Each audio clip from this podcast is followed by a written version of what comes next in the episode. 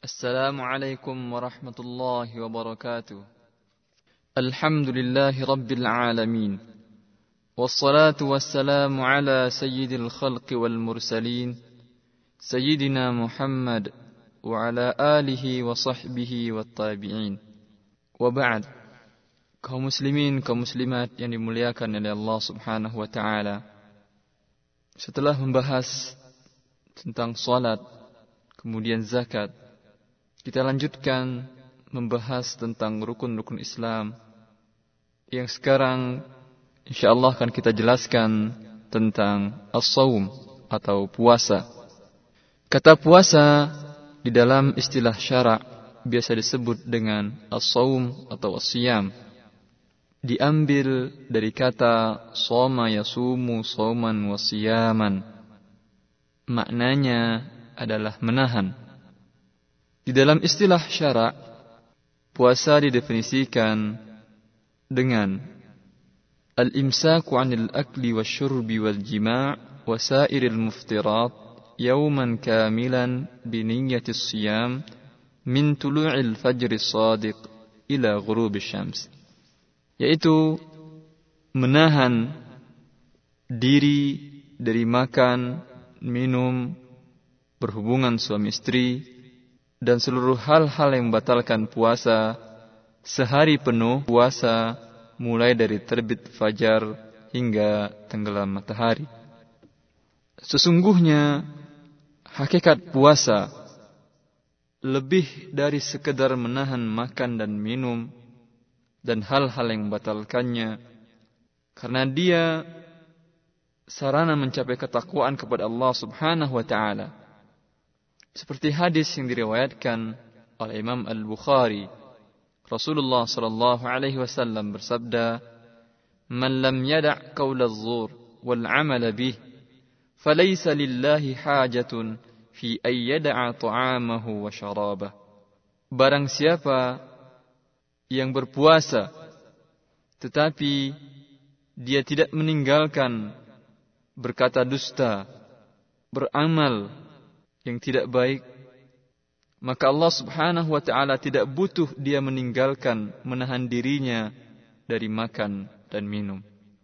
Jadi hakikat puasa sebetulnya bukan sekedar kita menahan makan dan minum, tapi lebih dari itu adalah menahan diri kita dari hal-hal yang dilarang oleh Allah Subhanahu wa taala. Ini juga Imam Ali radhiyallahu taala an bahwa puasa sebetulnya bukanlah menahan diri dari makan dan minum, tetapi menahan diri dari berdusta, berbuat kebatilan, dan berbuat yang sia-sia. Diriwayatkan oleh Ibnu Abi Syaibah dalam musannafnya. Begitu juga diriwayatkan oleh Bukhari dan Muslim dari Jabir radhiyallahu taala anhuma bahwa ia berkata, apabila salah seorang muslim berpuasa, hendaklah dia juga berpuasa menahan pendengaran, penglihatan, dan lidahnya dari ber, berkata dusta dan berbuat dosa, dan menahan diri dari menyakiti orang. Janganlah sampai hari dia berpuasa dengan hari berbukanya sama saja. Inilah hakikat puasa sebetulnya kaum muslimin, kaum muslimat yang berbahagia. Menahan diri kita dari hal-hal yang dilarang oleh Allah subhanahu wa ta'ala. Selanjutnya, urgensi atau pentingnya puasa dalam kehidupan seorang muslim sangat banyak sekali. Faedahnya sangat utama sekali.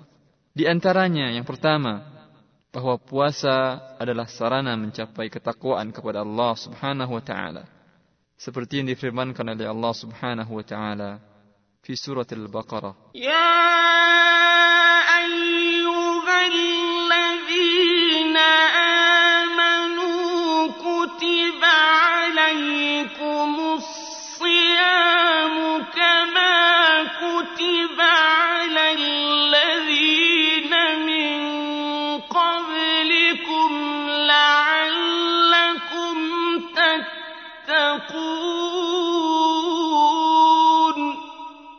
Wahai orang-orang yang beriman, telah diwajibkan kepadamu berpuasa, sebagaimana telah diwajibkan kepada umat-umat terdahulu sebelum kamu.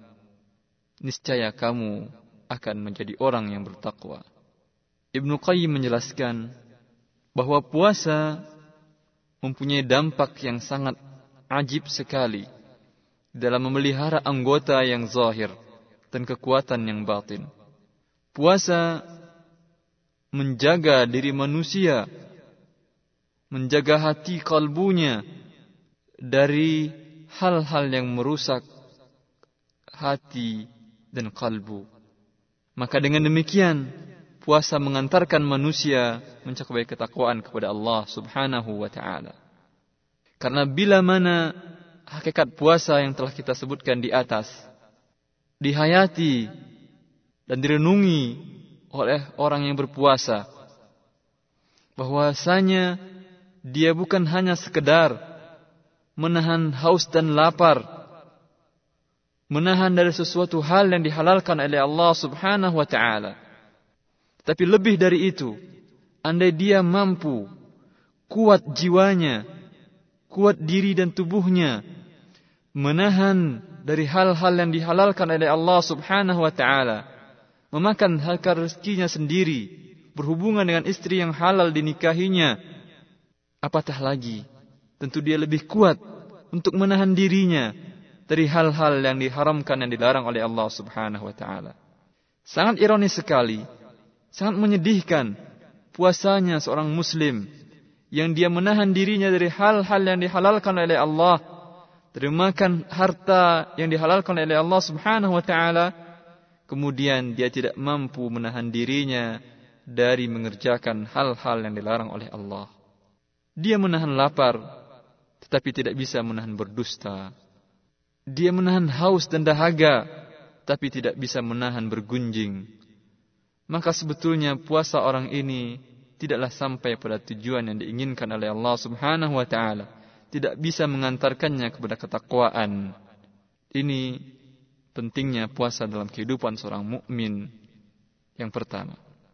Selanjutnya puasa juga kunci untuk memasuki surga Allah Subhanahu wa taala.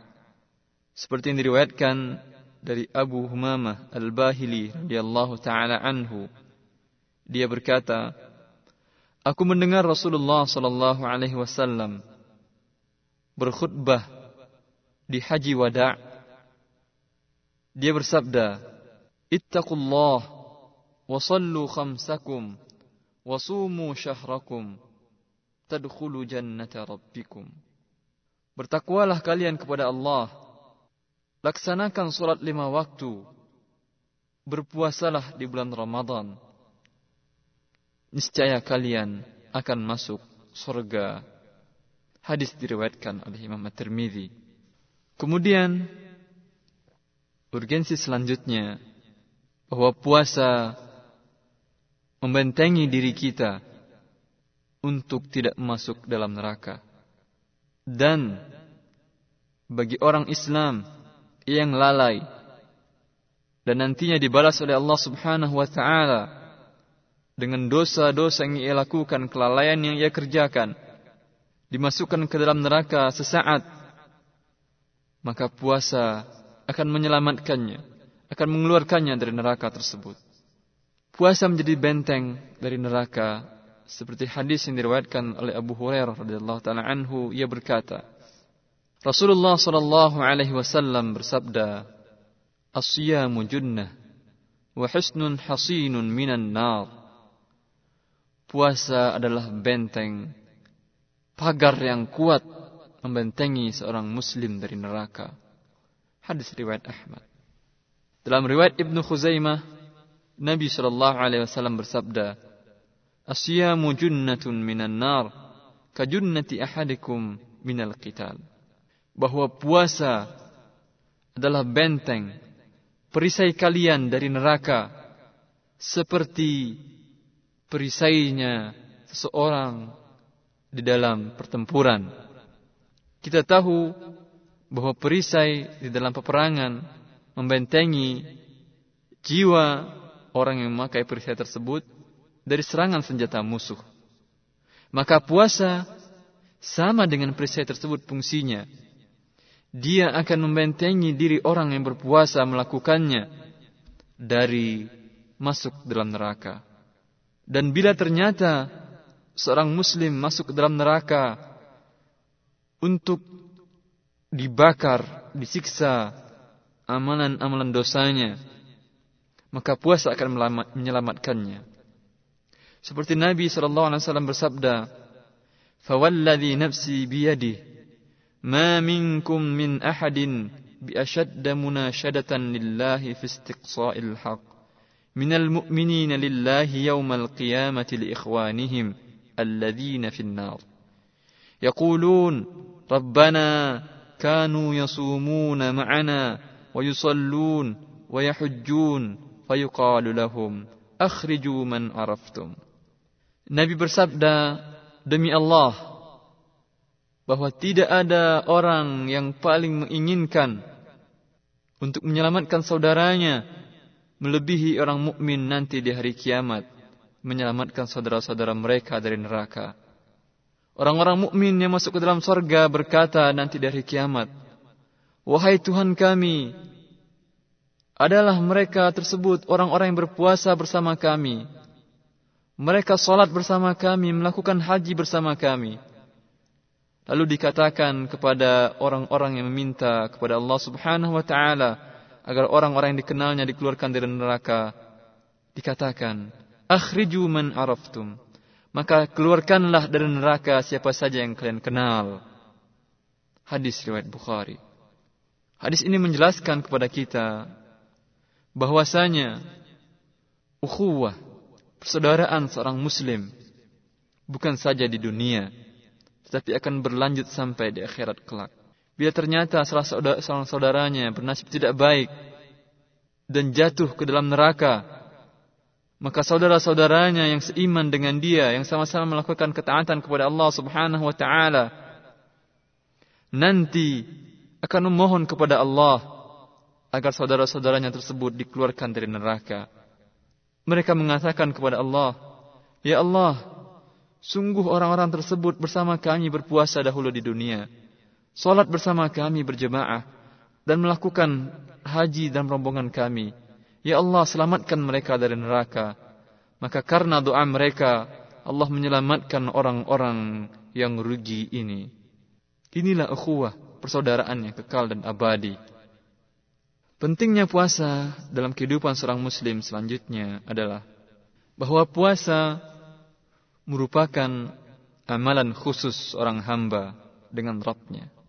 Dalam hadis yang diriwayatkan oleh Abu Hurairah, Rasulullah sallallahu alaihi wasallam bersabda, "Qala Allah azza wa jal, kullu amal ibni Adam lahu illa as-siyam, fa innahu li wa ana ajzi bihi."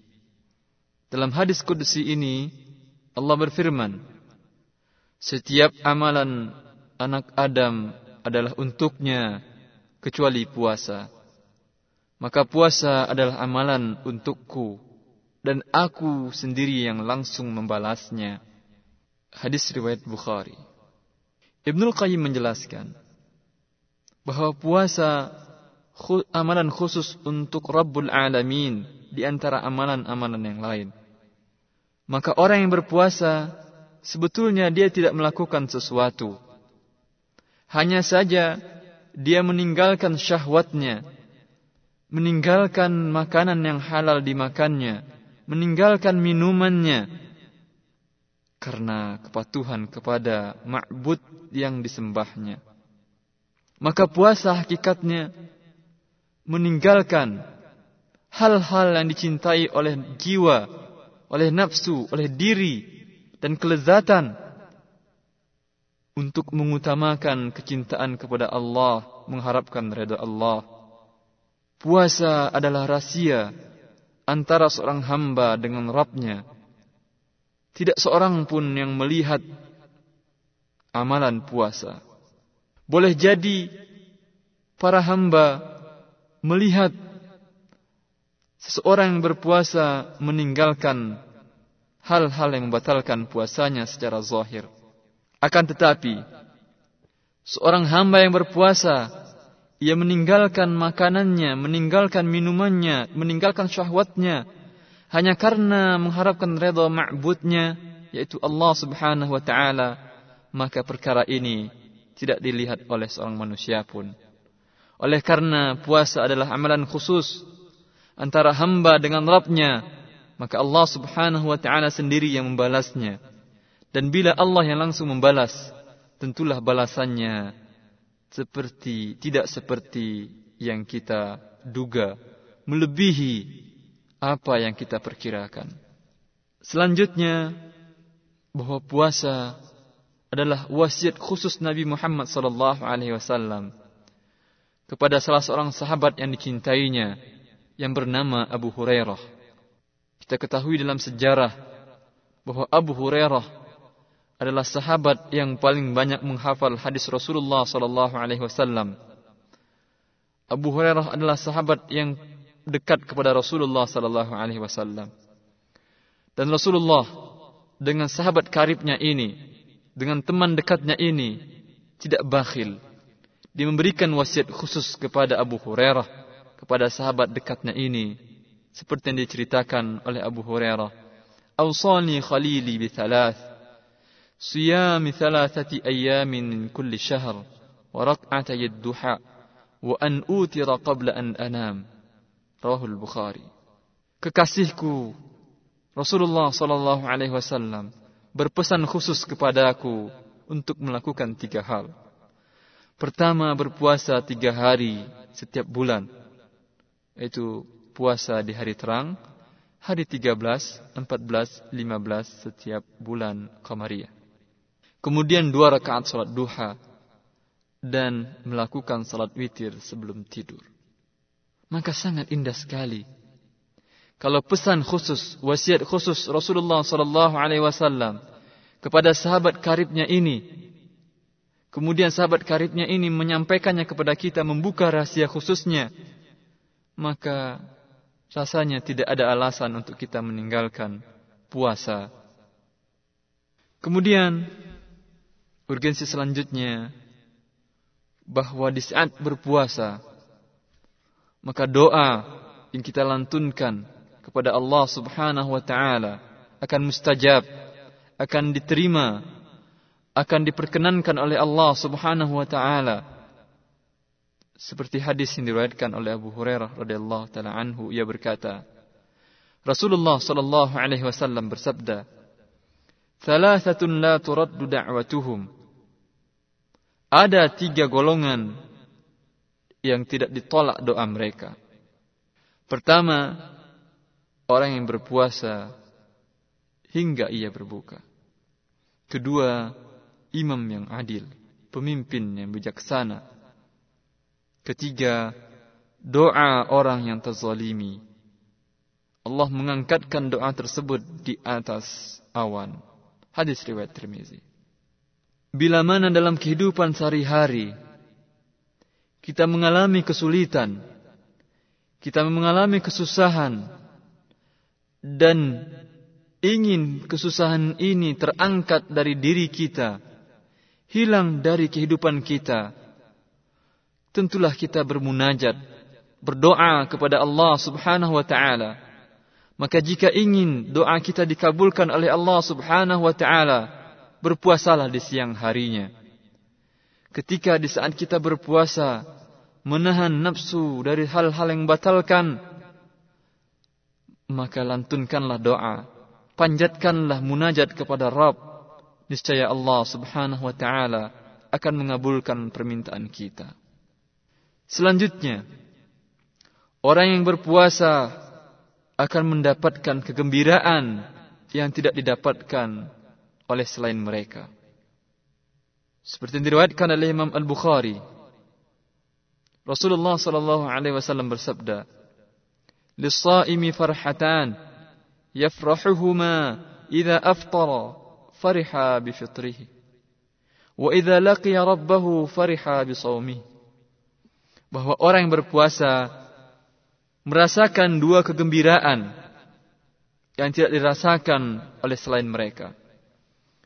Pertama, bila ia berbuka, ia bergembira dengan berbukanya.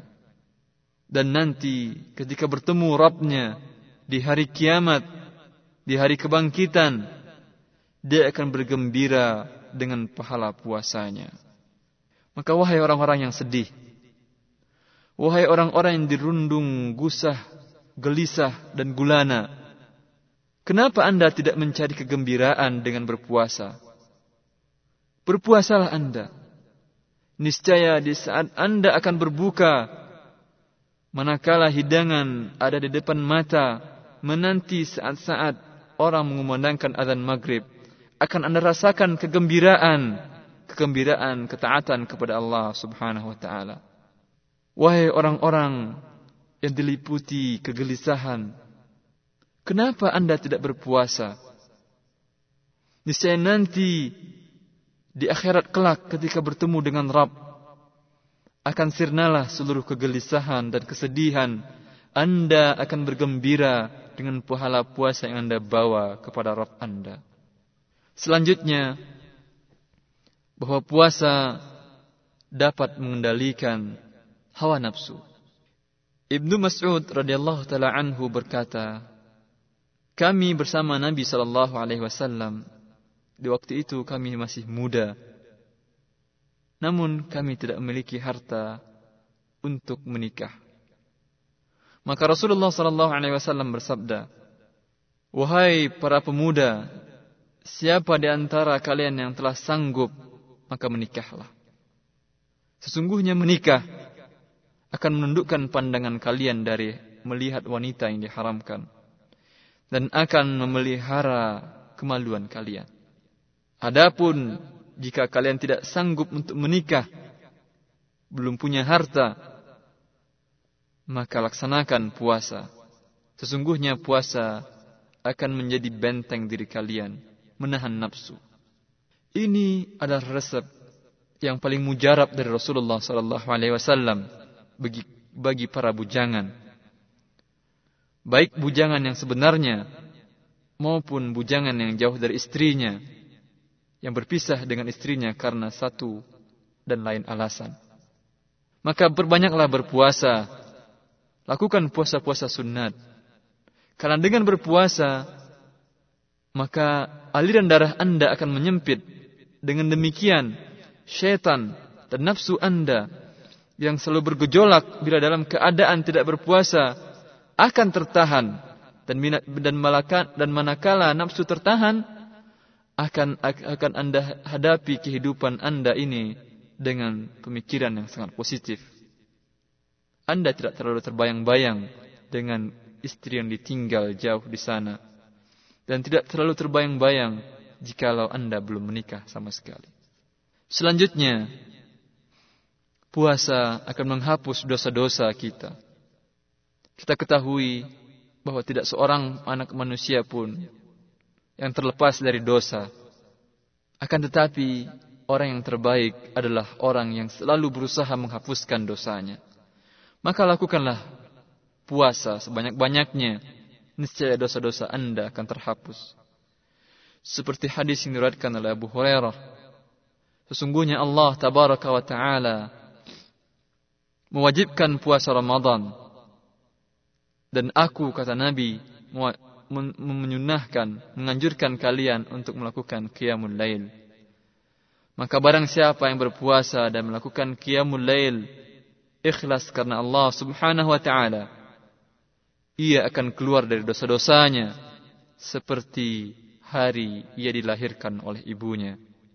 Di dalam hadis yang lain diriwayatkan oleh Bukhari dan Muslim, Rasulullah sallallahu alaihi wasallam bersabda, "Man shoma Ramadhana imanan wa ihtisaba, ghufira lahu ma taqaddama min dhanbi." Barang siapa yang berpuasa di bulan Ramadan dengan penuh keimanan dan keikhlasan, akan diampunkan dosa-dosanya yang telah berlalu.